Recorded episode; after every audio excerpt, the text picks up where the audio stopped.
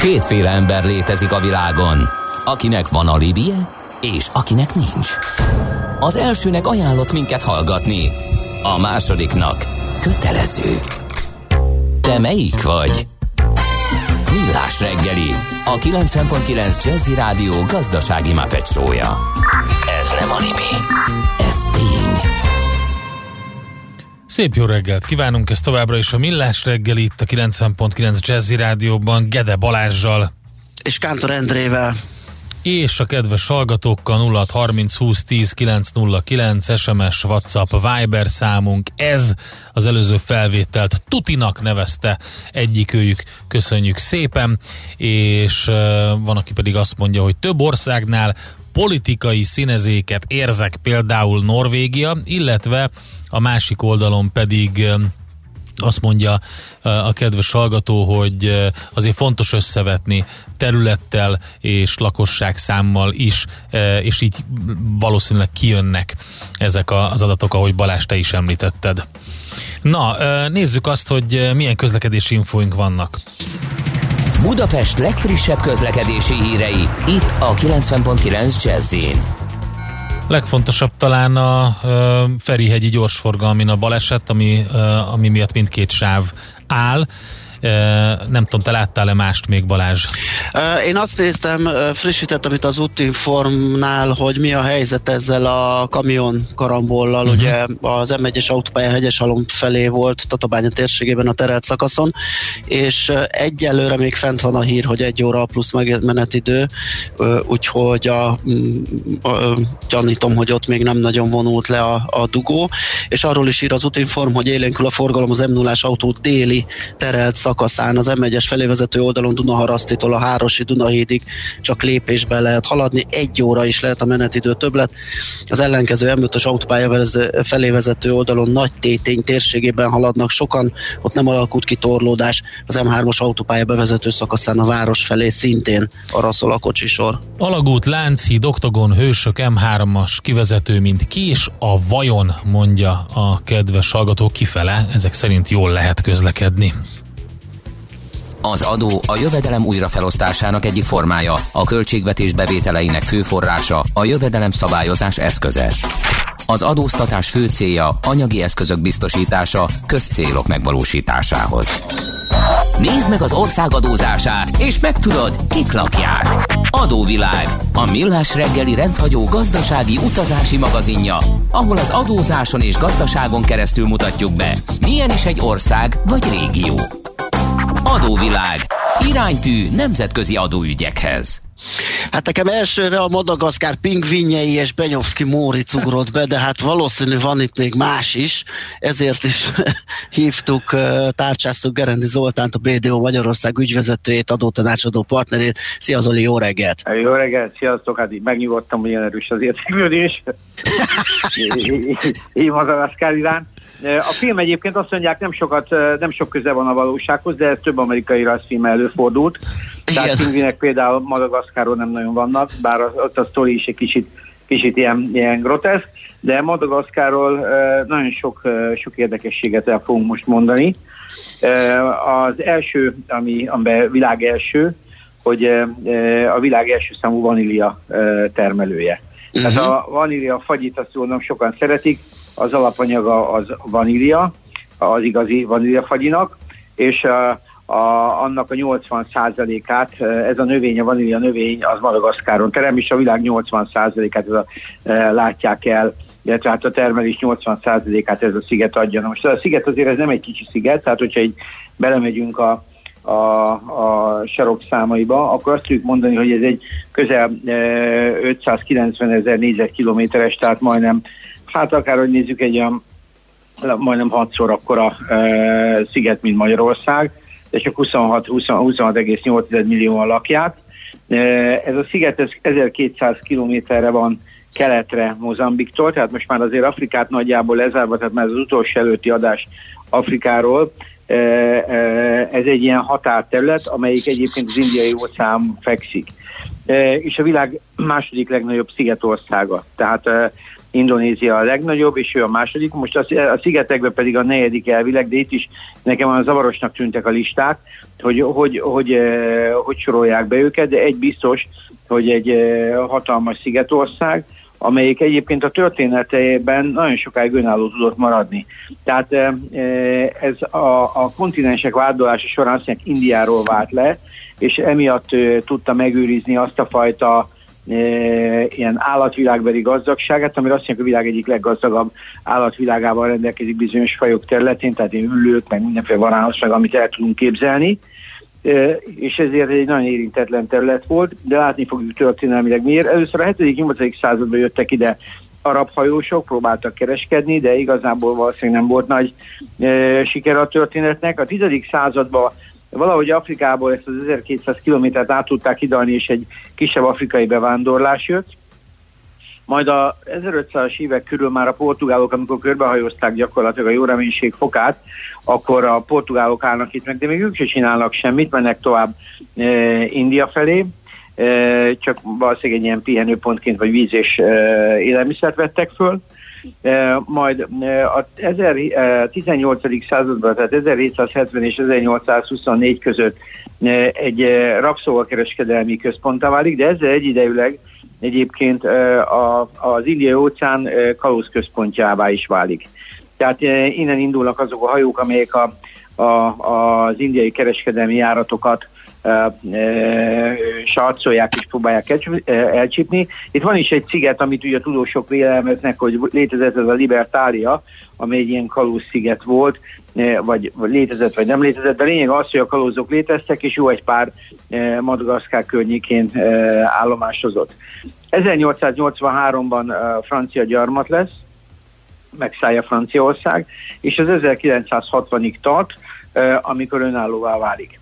Na most igazából ez egy elég későn gyarmatosított terület, talán azt lehet mondani, hogy a földrajzi vagy a geopolitikai jelentősége akkoriban nem volt nagy, most nem tudom most milyen, de egy biztos egy, egy nehéz, nehéz ország, monszun éghajlat alatt van, és hát gyakorlatilag szerintem emiatt nagyon nehezen járható is. A legmagas hegyvidékes, tehát azt kell tudni, hogy a sziget egy ilyen elnyújtott alakú, és a, a vég a, gyakorlatilag egy ilyen hegygerinc fut végig az országon, amelynek a legmagasabb pontja 2658 méter. Tehát azért ezek elég magas hegyek, és ezek a hegyek ásványi kincseket is adnak tehát rengeteg fajta ásványi kincsük van, amelyek a kitermelése nagyon-nagyon a kezdetén jár. Van itt minden, gyakorlatilag a mika, uh, kvarc, különböző drágakövek, cement, grafit, de aranyról is beszélnek, szóval itt nagyon sok minden van. Most a mikáról érdemes egy pár szót váltani, mert a Mika az így nekem most, most volt az első találkozásom ezzel az ásványi kincsel. Én megtudtam, ez a kozmetikai iparba és a ruhaiparba ilyen csillám porként kerül be, amit ilyen illegális módon sajnos gyerekmunkával bányásznak, és hát baromi veszélyes is, kellően rosszul fizetik, és ebben, ebben Madagaszkár is elég jelentősen szerepet vállal. A legnagyobb egyébként India, és talán ők a második, harmadik helyen vannak. Egyébként, mivel hőálló természete is van ennek az anyagnak, ezért Kína nagyon nagy jelentőségben vagy mennyiségben vásárolja fel a világon ezt, és azt mondják, hogy Kínában a legnagyobb habit, rengeteg, tehát az informatikától kezdve mindenki eh, dolgozik ezzel. Itt ez sajnos egy, eh, nem egy GPS-ített eh, nagy bányászattá fedőzött iparák, hanem kifejezetten ez a ronávi gyerekmunka és embererővel folytatott maximális életveszélyvel történő bányászat, amit, ami ellen mindenki próbál küzdeni, és valami eredménye van is, de, de azt még nem látni, hogy a bányászati iparba olyan nagyon-nagyon sokan fektettek volna itt be. Na most a, a gazdasága pont, pont ebből eredően egy nagyon hát egy nehézkes dolog, csak az ország iparosodási lehetőségeiről csak annyit, hogy körülbelül a lakosságnak csak 20%-a rendelkezik árammal. Tehát azért ez elég durva, tehát az azt jelenti, hogy 80%-nak nincs. Azt nem mondom, hogy nem lenne rá szüksége, valószínűleg lenne, de nem látja. Az infrastruktúra és az országnak ilyen szempontból elég gyenge, és amit a András szokott kérdezni, hogy vannak-e a kínaiak, persze igen, jönnek és segítenek, nem csak a mikát viszik, hanem hozzák a, a, úgymond ebből a szegénységből való kilábalást. Érdekes módon azt olvastam, hogy ezek az országok azért néznek fel Kínára, mert ott 800 millió ember tudtak kirántani a szegénységből és ezek az országok is vagy arra vágynak, hogy ennek az elég népes, mondjuk itt 27 millióról beszélünk összesen, de ők is szeretnének jobban élni, és valahol ebben a kínai barátságban vagy együttműködésben látnak egyfajta lehetőséget, és Kína segít nekik a halászatban, vagy együttműködnek a halászatban. A, a, Mikáról beszéltünk, hogy ők nagy átvevők, de egyébként a ruhaipartól kezdve egy csomó más iparágban is együtt dolgoznak. Most a ruhaiparnak egyébként érdekes módon a legnagyobb része az Afrikába megy, itt különböző egyezmények, hogy múltkor beszéltünk, próbálnak ők is betagozódni az afrikai közösségekbe, itt ez hol sikerül, hol nem, de, de a ruhaiparuk az, az elég jelentős, és igazából azt lehet mondani, hogy úgy nagyjából mindenféle, mindenféle ugye vaníliáról beszéltünk, hogy a legnagyobb termelők, de úgy összességében a halászat, élelmiszeripar, ezek így mennek. Turizmusa is van, e, turizmusa egyébként a, a tengerpart gyönyörűsége okán létezik, de az is nagyon-nagyon szegmentált, tehát e, e, ha van, ha rá, rákerestek, akkor a világ leglegább tengerpartjai itt vannak, tehát ez valami extrém luxus, önálló sziget van, és itt szóval elképesztő minőségű szállásnak, tehát ők nem a tömegturizmusra álltak rá, ez egy nagyon komoly háttér, de ennek a volumene elég alacsony. Tehát azt lehet mondani, hogy igazából ez a sziget még valaminek az elején van, vagy talán szegénységének a végén, hogy mennyire tudnak fölzárkózni, ez nyilván nagyon sok mindentől függ. Egy biztos, hogy egy iparosodáson át kéne menniük, ami persze a világ számára nyilván egy probléma lesz a Hát ezzel a, a természetvédelmi vagy a természeti kincsekkel vagy az állatvilággal összhangban hogy fogják ezt tudni megcsinálni. Nehézek, általában ezekben a környezetekben nem szoktak jól sikerülni, de, de, de itt van egy felendős. Most az adórendszerük is ehhez a, ehhez a jövedelemhez, ez a szegénységhez van mérve, ők Afrikában az afrikai átlag az 17,2% a GDP-hez arányosított adóterhelés, ez itt náluk 11,9. Tehát tényleg nem nagyon, nem nagyon tudják, és valószínűleg nem is nagyon akarják az itt lévő emberek, itt lévő embereket vagy cégeket satszolni, de azért valami, valami már elindult, mert nekik is a, a költségvetési bevételre szükségük van, tehát annak ellenére, hogy egy alulfejlett társadalom és gyakorlatilag alig nyújt valamit, ennek ellenére valamilyen adóbevételre itt is szükség van. Most az áfájuk létezik, ez 20 százalék, nehezen tudom elképzelni, hogy ezt ők hogyan gyűjtik be, de, de maga a, a, az adó az létezik. Társaságoknál, társaságoknál van egy kis adózói körük, meg egy nagy adózói körük. A nagy adózói kör az 20%-os, az amelyik 45 ezer évi, 45 ezer euró fölötti árbevétellel dolgozik.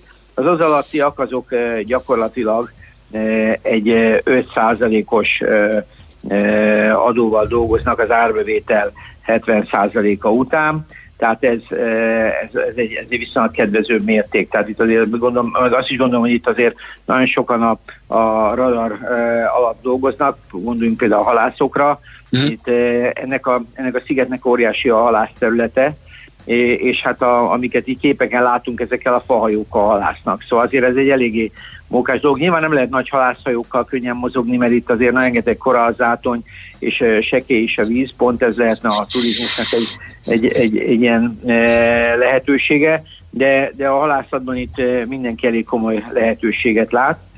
A személyi jövedelemadójuk e, is gyakorlatilag sávos, és maximum 20%-ig megy föl, ami, hogyha ha valaki úgymond vállalkozom bőve az országban nyilván több van, az, az 500, 5%-kal adózik. Tehát nagyjából ennyit lehet Madagaszkárról elmondani. Madagaszkár e, talán az az utolsó állomás jövőre, jövő héten már az afrikai adóparadicsomokról fogunk beszélni, ami a utolsó lépés lesz, de Madagaszkár nem Afrika, tehát Afrikától keletre van, Eh, de mégis Afrikához erősen kötődik. Eh, nem tartozik Indonéziához, ezért tartottuk fontosnak, hogy beszéljünk erről a szigetről, eh, mert, mert ismert, híres és nagy is, de jelen pillanatban még messze a saját potenciáljai alatt működik. Okay. Jól tettük, hogy beszéltünk róla, köszönjük szépen. Nagyon érdekes, ez a, nagyon érdekes ez a Mika, meg nagyon érdekes a, az egész, amit a vaníliáról mondtál, nem tudtam ezt a 80 ot Nagyon Úgy, durván ők, ők csinálják, és nem is értem, hogy máshol, milyen valószínűleg éghajlati sajátosság, vagy ilyen nagyon bívelődős növény kéne, hogy legyen, de egy biztos, hogy, hogy ahol tényleg vaníliában, mert azért azt is tudjuk, hogy ma már nem mindig kell vanília uh-huh. a vaníliafagyihoz, meg egy csomó mindenhez, de a klasszikus Jó vegyészmérnökök kellenek hozzá. Igen, azt mondják, már vannak annyi fajta ízmolekula, hogy ez már igazából nem számít, de azért, ha valaki igazi vaníliára vágyik, vagy éppen olyan, olyan tevékenységet folytat, ez fontos. A Mika meg megdöbbentő. Tehát a Mika az tényleg egy nagyon gyorsan felfutott. Én ezt a ezt az ásványt se ismertem, uh-huh. hogy ennek ekkora jelentősége van, de úgy tűnik, hogy az elektronikai ipar ezt még előrébb hozta. Tehát a divatipar indította be ezt a csillám követ, és ezt vagy ledarálják, de ahogy ezt kihozzák, ezt szó szerint kézzel hozzák ki. Tehát ez nem ilyen nagyipari termelés, és ezzel ilyen lukakba mennek be, amik hol beomlanak, hol nem, ugye azért viszik be a gyerekeket, mert ők a kicsik. kicsik. Tehát, uh-huh. Igen, tehát nem, nem azért elsődlegesen, mert a felnőtt nem tudná megcsinálni, nem fér be. És e, hát ez, ez, meg egy, ez meg egy őrület. Na, szóval e, tényleg vannak ilyen e, iparági elhajlások. Majd egyébként sok helyen lehet látni, hogy kozmetikai cégek, mert ezek benne vannak a szemfestékekbe, és így tovább kifejezetten elhatárolják magukat ettől, nem tudom, hogy hogy csinálják, vagy más anyagokkal váltják ki, de a Mika az itt egy nagyon jelentős tényező. Más országban emlékezetek viszont nem is volt szó róla. Igen, igen. Oké, okay, Zoli, nagyon szépen köszönjük, érdekes volt, további jó munkát, szép napot, szervusz! Köszi. Szervusz! Sziasztok! Gerendi Zoltánnal beszélgettünk, a BDO Magyarország eh, ügyvezetőjével, adótanácsadó partnerével, Afrika túránk utolsó állomása Madagaszkár, mint ilyen csatolt sziget, és eh, majd utána zárjuk le eh, adóparadicsomokkal, de előtte azért még Feledi Botond is megnézi, hogy politikai szemüveggel mit lehet elmondani Madagaszkárról. Folytatódik az adóvilág, a millás reggeli rendhagyó gazdasági utazási magazinja. Nézd meg egy ország adózását, és megtudod, kik lakják. Adóvilág. Iránytű nemzetközi adóügyekhez.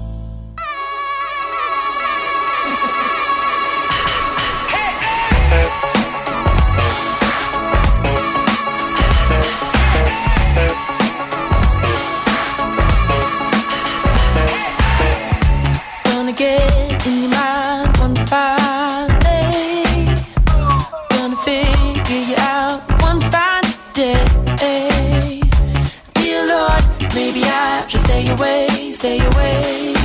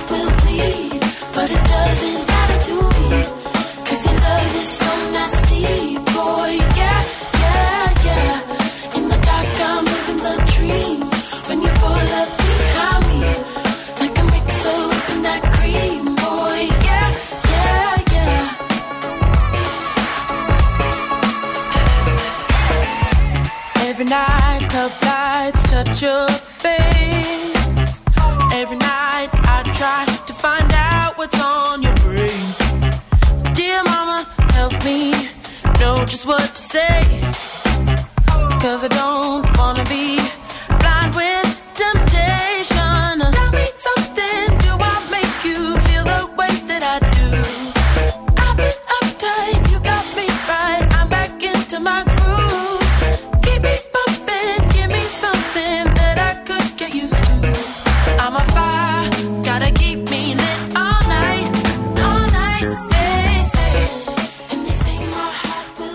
továbbra is a Millás reggeli, azon belül pedig adóvilág rovatunk, és folytatjuk Madagaszkárral, mert hogy a vonalban itt van velünk Feledi Botond, külpolitikai szakértő. Szervusz, jó reggelt! Sziasztok, jó reggelt kívánok! Szervusz! Hát itt az Zolinak a beszélget, az Zolival folytatott beszélgetésbe elvitte az egyik hangsúlyt a, a, a Mika kitermelés és a gyerekmunka, ami hát ugye ez olyan rabszolgamunka, meg gyerekmunka, az sajnos jellemző több helyre, így Madagaszkárra is. Na de nézzük, hogy politikailag hol, hol van a palettán, illetve mit lehet róla tudni. Ugye egy nagyon-nagyon szegény országról beszélgetünk, tehát amilyen jó helyen van, amennyi ásványkincsen rendelkezik, ugye a leghosszabb partszakasszal rendelkező afrikai ország, ami jelenthetne turizmust és, és hajó kikötési központot is a indiai óceánnak ebben a csücskében, most mindez egyelőre nem, nem vált valóra. És így aztán, hogy a 25 milliós lakosság 80%-a tényleg két dollár per nap összegből vagy az alatt él meg, így elképesztő politikai e, instabilitás, nehézségek, e, és hát a nagyhatalmi diplomáció intenzív jelenléte jellemző.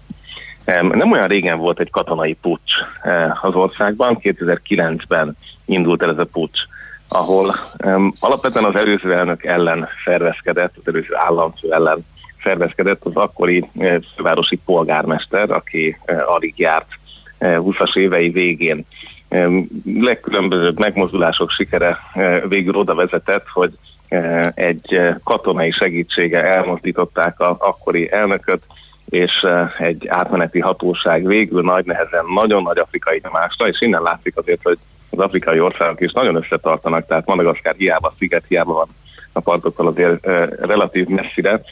Igenis itt a déli országok Dél-Afrikával az élükön annyi nyomást gyakoroltak Madagaszkárra, hogy végül az átmeneti hatóság az évek után de kiírt egy új választást. Most ezt végül nem az az ember nyerte meg, aki az egész forradalmat elindította, viszont ő nyert most 2019-ben. Tehát itt szépen lassan az ország egy nagyon fiatal, nagyon karakán ifjú madagaszkári kezébe került, aki kifejezetten a gazdasági megújítás mellett teszi le a voksát. És uh, itt muszáj, hogy behozzak egy, egy párhuzamot, mert valahol Ruanda Kagaméja is egy, egy hasonló uh-huh. um, útvonalon indult el, hogy az ország ki van putolva, gazdaságilag szép fejlődik, ugye úgy szoktak fogalmazni, hogy az egyik világító torony az afrikai kontinensen, Hát cserébe viszont a, a szólásszabadság és a sajtószabadság az hát finoman szóval nem, nem töretlen. E, tehát Luanda is elég rosszul áll a Freedom House-nál, e, nem szabad országként van nyilvántartva, és ezzel vádolják a mostani elnököt, hogy gyakorlatilag e felé hajtja az országot, hogy, e, hogy ő maga, de ugyanúgy, mint mondjuk az éppen most Oroszországban megtörtént a elnöki mandátumlimitet valószínűleg el akarná törölni, meg akarná tartani a hatalmat, és a gazdasági eredmények árán uh-huh. megtartani a befolyását. Úgyhogy ez a belpolitikai szituáció iszonyú nehéz kérdés, hogy most ez mindenképp trade van egymással, hogy vagy szegény az ország, vagy autokrácia. Meglepő módon hivatkoznak itt közép-európai vezetőkre és a helyi francia nyelvű sajtóban. Tehát egész, egész izgalmas olvasmány most ez Madagaszkár kapcsán. Ugye az Egyesült Államok is, ahogy, a, ahogy korábban a franciák, azért ez egy stratégiai fontosságú sziget, az indiai óceánon a legközelebb eső sziget a, a kínai partokhoz, tehát az első potenciális kikötési pont, tehát így a kínai együtt egyövezet kezdeményezésben is egy kiemelt helyet kapott, bár túl sok beruházás ehhez képest nem történt. Az amerikaiakkal még a 70-es évek végén egyébként összevesztek, amikor Ratsiraka elnök végül úgy döntött, hogy a uh-huh. NASA-nak az egyik állomását, ami a szigeten volt, azt ellehetetleníti, és mellesleg két olajtársaságot is gyorsan államosított magának. Egyébként a mai napig van egy nagyon komoly olajmezője az országnak. Um, és India másik, aki szemet vetett um, a, a szigetre, és itt látszik az indiai-kínai versenyzés, tehát az indiai óceánon valóban ez egy olyan pont, amit, amit mindenki szeretne magának tudni, uh, úgyhogy India már létre is hozott egy olyan um, alapvetően parti jellegű és onnan működő uh, radarállomás, felderítő állomást, uh, mint amit egyébként Mauritiuson is korábban megcsináltak. Tehát úgy szépen lassan mindenki teszegeti le, ugye, mint a rizikóban a különböző színes bábukat. Ez még nem robban be, de, de látható, hogy egyre több szín van. Ami, ami egy ilyen nagyon klasszikus példa az ország kapcsán a nemzetközi befolyásra, ez a kínai kísérlet. Ugye arról beszéltünk már a Afrika keleti részén fekvő parti országok kapcsán, hogy mekkora az illegális halászat. Ugye a legszerényebb becslések is azt mondják, hogy a, a halászat 25%-a az egész biztosan illegális ezeken a területeken, mély vízben, parti vizekben egyaránt. Ez Madagaszkárt különösen érinti, tehát itt, itt kifejezetten sokan élnek érthető okokból ebből. Ugye egyébként egy nagyon színes etnikai térképpel rendelkezik, tehát a sziget közepén lévő eh, hegyi emberek azok, akik alapvetően a legtöbben vannak, tehát ez is egy 20-valahány százalékos relatív többség, eh, és a eh, partszakaszokon nagyon sokféle nép és nyelvjárás érdekél. Tehát a halászat meghatározó fontosságú, és egyszer csak 2018-ban bejelentették, hogy 2,7 milliárd dollár értékben fog egy egyébként addig alig ismert nevű kínai vállalat befektetni a madagaszkári halászatba. Ez akkor a 11 plusz milliárdos éves GDP országnak, tehát majdnem a 15-20 százalékát kitette volna ez a befektetés. Szépséghiba volt, hogy sem a halászati miniszter nem hallott róla, sem senki más, amikor ezt bejelentették, hogy egy ilyen megállapodás születik. Úgyhogy hát óriási mozgolódás indult el, hogy mi lesz itt, a több száz hajó mekkora méretű lehet, amit ígért ez a befektetés. És szépen lassan kiderült, hogy egyébként a akkor kifutó félben lévő egyik politikai vezető kísérletezhetett ezzel, de a lényeg az az, hogy gyakorlatilag semmi nem történt. Tehát nem, nem indult el ez a kék óceán beruházás, maguk a, a halászok pedig ennek ellenére azért elképesztő módon szenvednek a nagy nemzetközi halászati flották miatt, amelyek egyáltalán nem csak kínaiak, hanem mindenféle más, többek között uniós zászló alatt is ott hajóznak. Tehát nagyjából az elmúlt húsz évben két évtized alatt felére esett vissza a hivatalos számok szerint a kifogható halak száma. Az EU-nak ugyanúgy 2015-18-ra is volt, ahogy aztán megújították a, a halászati kvóta egyezményt. Ez ugye nyilván a magyar sajtónak egy kevéssé izgalmas történet, hogy az EU hogyan halászik, Eh, hivatalosan a halászati politikánk ilyen típusú, tehát harmadik országokkal kötött célja, az pont a fenntartható halászat biztosítása lenne. Uh-huh. Csak hogy ez nem fog senkit meglepni, a kritika szerint nem a legteljesebben érvényesülő célkitűzés ennek a policynek, eh, tehát ez a Common Fisheries Policy itt is több millió eurót költött el Madagaszkárban, részben kötelezve ezt a költést címkézve, hogy mely részét kötelező, és ez majdnem a fele a, a különböző madagaszkári halászati megoldások fejlesztésére fordítani. Úgyhogy most ezt megújították, de nagyon elégedetlen a madagaszkári oldal ezzel kapcsolatban, mert úgy érzik, hogy kevesebb pénzt kapnak több hal eladásáért, miközben mondjuk a Fesel-szigeteknek meg egészen jól sikerült ez, a, ez az alkúja. Tehát, hogy itt is megy a hasonlítgatás, és ez tényleg érdekes, amire nem is figyelnénk, hogy Madagaszkár meg a Fesel-szigetek azt nézi, hogy kinek sikerült jobban az EU-val a halászati megállapodás. Tehát azért igenis van itt nemzetközi ereje az EU-nak, lehetne nemzetközi példamutatás. Hát ennek a kikényszeríthetősége helyi szinten viszont katasztrofális. Szerintetek hány napot ment hivatalosan a madagaszkári parti őrség azért, hogy ellenőrizzen különböző halászhajókat? Hány napot tudott kihajózni? egy év alatt. Hát ez valami Tizen. nagyon kis szám lesz. ez, ez, ez a 30-nál megáll. Úristen! tehát az év kevesebb, mint 10%-ában hajózott ki ez a parti őrségnek a kis hajója. Két hajóból egy működik, és, eh, és hát ez a, innentől kezdve, hogy a, a, a helyi halászok, akik nyilván egyébként politikailag egy fontos szavazó tábor lehet, hm. hogy érzik azt, hogy a, ugye főleg a garnélákat, a, hogy hívják ezt éppen ez a földi seprés, tehát amikor a hálót tényleg mhm. végighúzzák a tengerfenéken, hát ez teljesen tönkreteszi ott a helyi halászati lehetőségeket hosszú évekre. Na most ezzel nem nagyon tudnak így egyszerűen nincs mivel mit kezdeni. Tehát ez ugyanúgy, mint ahogy nézegettük a, a Szahara körüli országokat, hogy azt a határszakaszt ellenőrizni, az még az USA-nak is nagyon kemény kihívás lenne drónokkal, meg mindennel abban a környezetben. Na most ekkora partszakasz, tehát itt egy több mint egy millió négyzetkilométeres vízi kizárólagos gazdasági zónáról beszélgetünk. Uh-huh.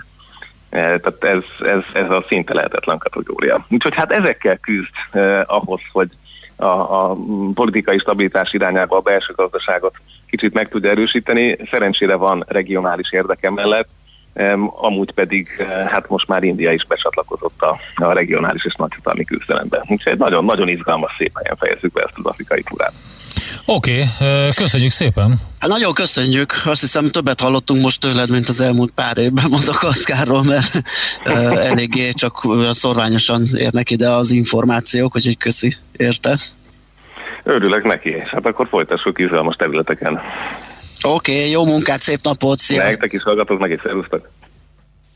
Feledi Botondal futottunk még egy kört Madagaszkárt, illetően Feledi Botond külpolitikai szakértőnk, és ezzel akkor gyakorlatilag ugye, ahogy azt már Hát igen, még egy körünk kört. lesz egy összefoglaló az adóparadicsomokról, igen. és akkor egy ilyen, eh, egy ilyen teljes afrikai politikai képet is kapunk majd Botontól, és akkor majd eh, Afrika után tovább lépünk adóvilág rovatunkban.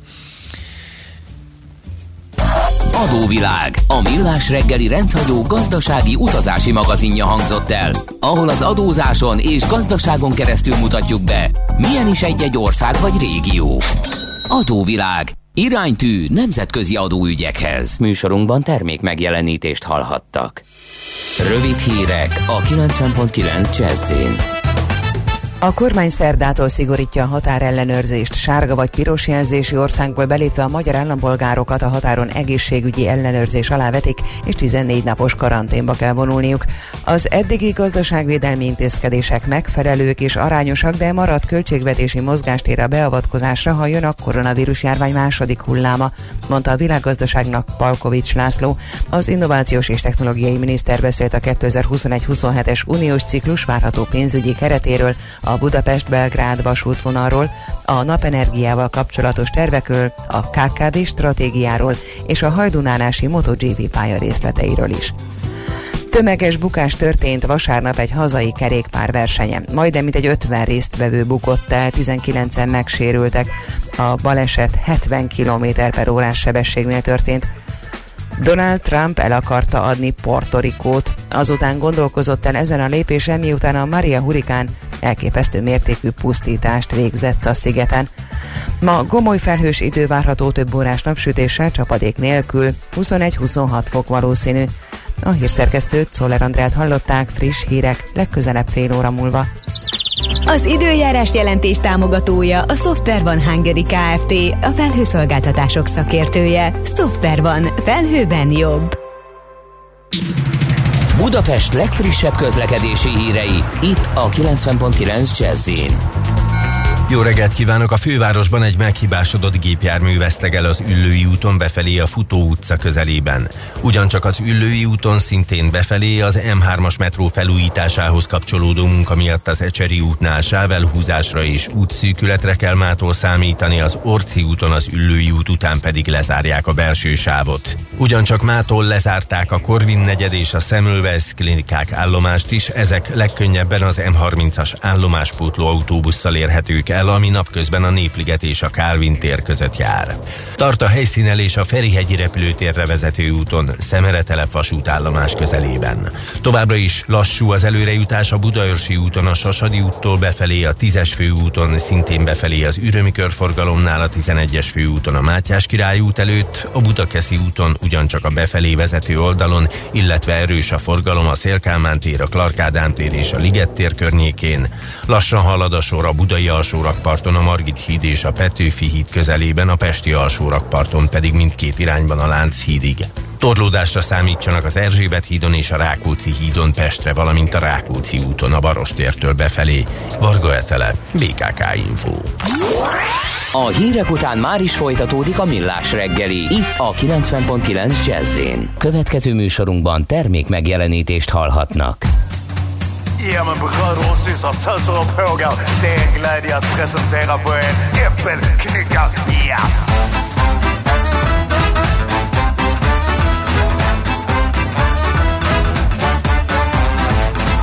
Grannen är i hälar, påstår att jag själv har släppt en jag vill ju vänner, måste göra något åt hon. Far han är proletär och jobbar sent men har inte råd med käk så klart jag har mina skäl och för övrigt är ju grannen miljonär. Jag måste springa nu för om vännen hinner upp mig får det nog ett tråkigt slut.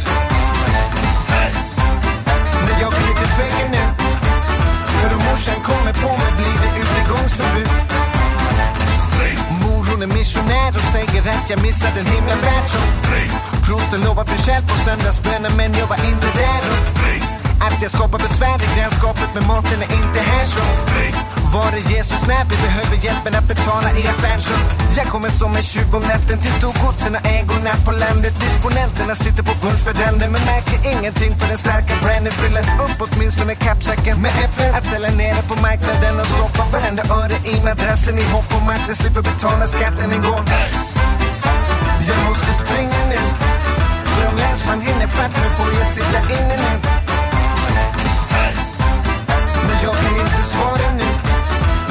Pengar nästa vecka, då har jag kanske sluppit ut. Skattmåsen jagar mig, jag deklarerar fel på någon liten grej. Tänker ge mig någon ny blankett att fylla i, men det kan inte vara rätt. Direktörerna lever fett och tjänar mer i lön än min hela släkt. Så någonting måste vara snett, jag måste tjäna äpplen för att hålla mig mätt igår. Jag måste springa nu, för om vännen hinner upp mig får det nog ett tråkigt slut.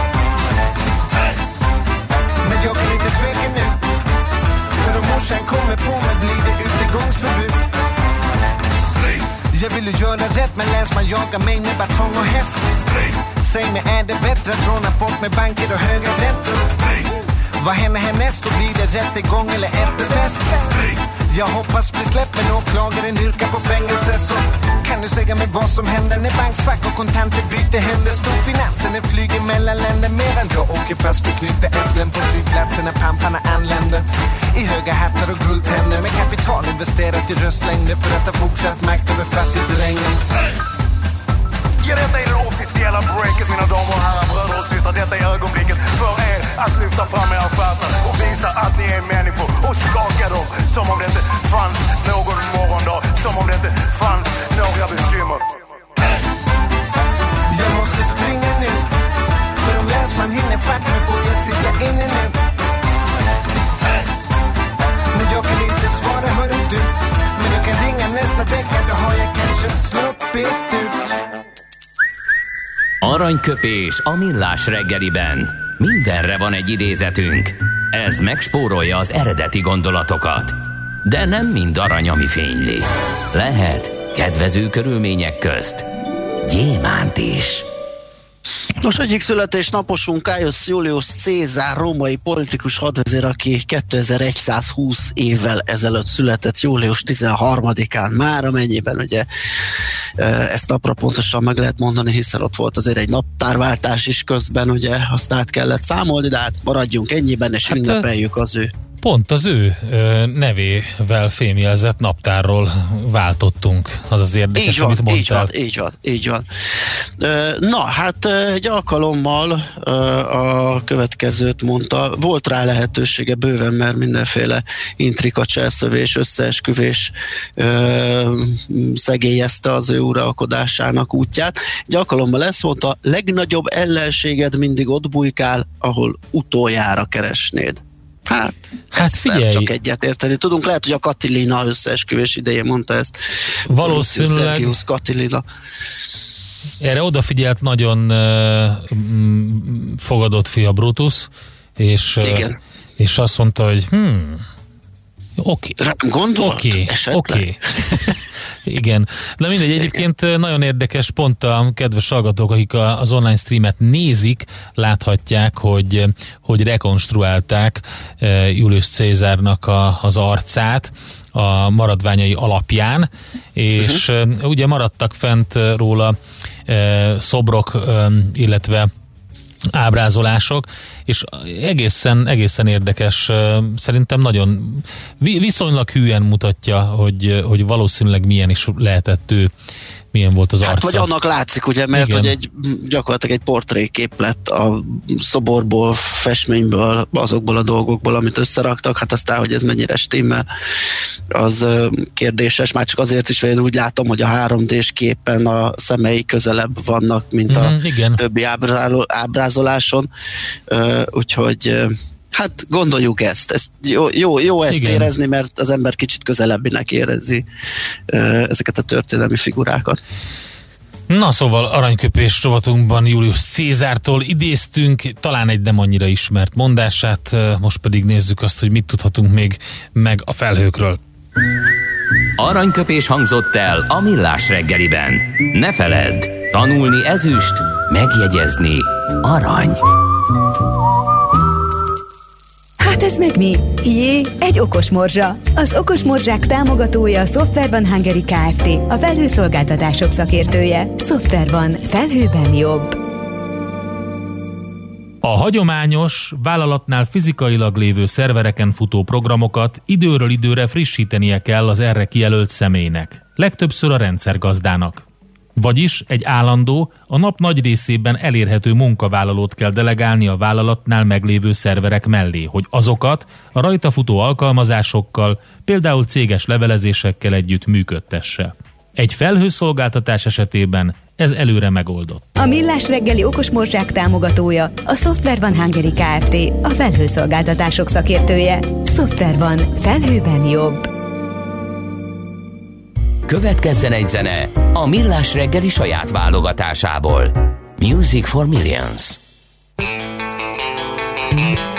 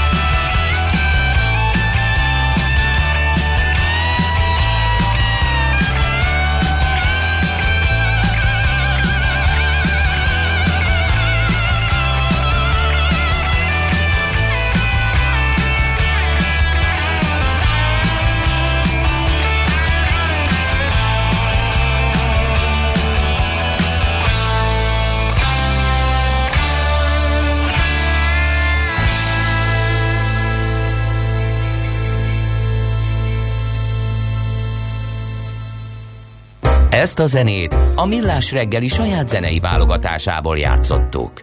Szívesen böngésznél a nemzetközi és hazai piacokon? Meglovagolnád a hullámokat? Akkor neked való a Hotspot piaci körkép az Erste befektetési ZRT szakértőivel. Gyors jelentések, gazdasági mutatók, események. Nálunk mindent megtalálsz szakértőink tolmácsolásában. Ha azonnali és releváns információra van szükséged, csatlakozz piaci hotspotunkhoz. Jelszó Profit nagy P-vel. És Barát Tibor vezető üzletkötő a telefon vonalunk túlsó végén. Szia, jó reggelt! Jó reggelt kívánok, szervusztok! Na, milyen híreid vannak? Hát egy kicsit itt ebben a szép időben autózzunk, eh, egész ugye Németországig, ahol ebben a iparággal kapcsolatban van két eh, hírem is. A, az egyik a Daimlerrel kapcsolatosan, a másik pedig majd a Tesla lesz, ugye kicsit meglepő módon ugye először furcsának tűnik, hogy német, de hát az ottani gyára kapcsolatban majd. Igen, nagyon jó. No, hát nézzük először, hogy akkor a Daimler-t, ahol ugye a hétvégén az jelent meg, a személyzeti vezetőjük hogy nyilatkozta, hogy hát úgy tűnik, hogy az eddigi nyilvánosság előtt ö, megjelent ilyen 10-15 ezer álláshely leépítés, ez nem tűnik elégségesnek. Ugye a a, a cég e, ugye e, konkrét számokat nem jelölt meg, minden esetre azt ugye tudjuk, hogy összességében 300 ezer dolgozója van a cégnek, és hát a, ahogy a, a közgyűlésen már a CEO-juk Ola Kellinius ugye nyilatkozott, a tavaly ősztel elfogadott ilyen spórolási csomagot, ezt fel kell turbózni, tehát hogy ez nem elégséges, és hát további intézkedéseket kell tenni. Ugye ebben a tavaly ősszel elfogadott csomagban az szerepelt, hogy ilyen 1,4 milliárd eurót takarítanának meg a személyzeti költségeken. Hát ugye ezt most hat, meghatározták, hogy ez, egy, ez csak egy ilyen bázis, és hát ugye az a, a valós szám ennél lényegesen nagyobbnak kell, hogy legyen. Ugye a, a három alap, tehát itt a, ugye a, a Daimler előtt ugye három alapvető fő téma kör létezik. Az egyik, ugye, ami újonnan jött hozzá most ez a, ez a koronavírusos fertőzés pandémia, viszont ugye a másik kettő az eddig is megvolt, ugye az egyik ez az elektromobilitás, illetve a harmadik az a, az a ö, olyan költségstruktúra, amivel versenyképesek tudnak lenni.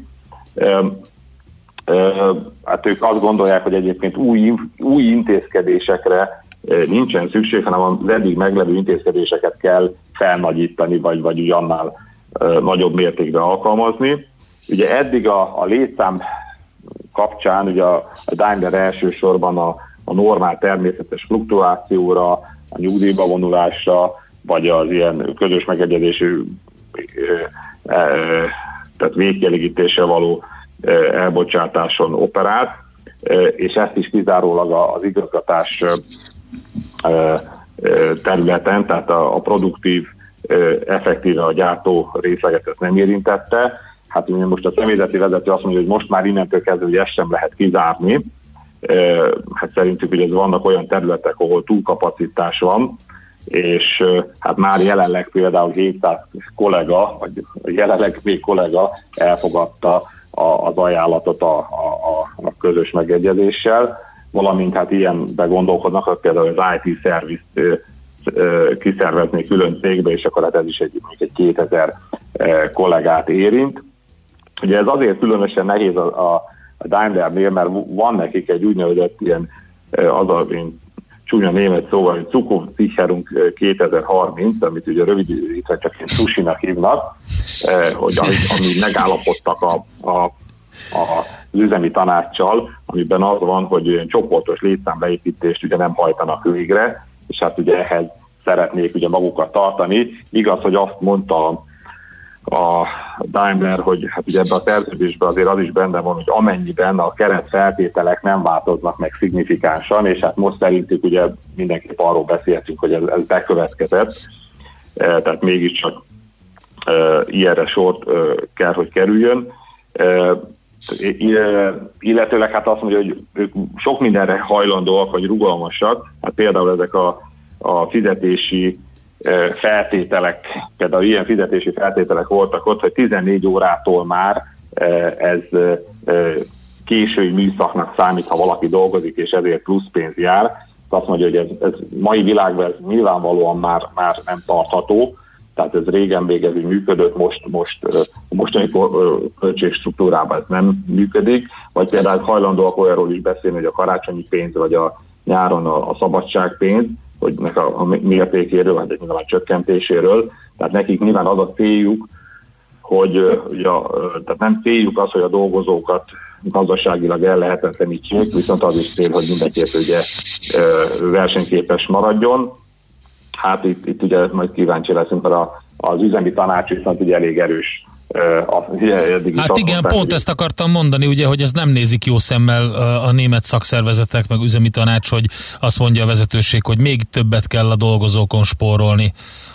Hát igen, tehát ugye ők azt mondják, hogy ugye együtt kell az utat megjárni, és nem a dolgozóknak a rovására, valamint ugye hát csak ugye egy-két szóba nyilatkozott ugye ez a Brecht úr is, aki az üzemi tanácsnak a vezetője, és akkor például ilyet mondott, hogy hát ez már múltban is megszokták, hogy nyomás alatt kell, hogy dolgozzanak, úgy néz hogy ez most sincs másképp, de minden nyomás ellenére azt kijelentik, hogy azért itt most emberekről és egzisztenciákról beszélünk, tehát hogy, hogy ők azért ennek mondja keményen ellen fognak állni. Hát kíváncsi leszek, hogy ugye ez hogy milyen eredményt fognak tudni ugye elérni. Minden esetre ugye általában a piac mostanában erre pozitívan reagál, tehát ezekre a költségcsökkentési tervekre, tehát ugye itt több cégnél is ezt láttuk.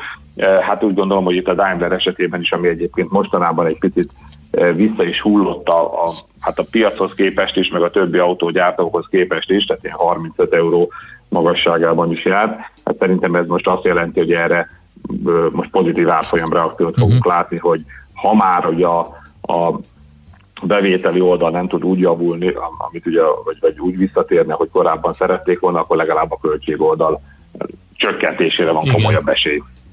Tehát ez szerintem mindenképp egy pozitív árfolyam reakciót vált ki, illetve a másik, hogy a Tesla viszont ugye egy ilyen üzemi levélben tájékoztatta a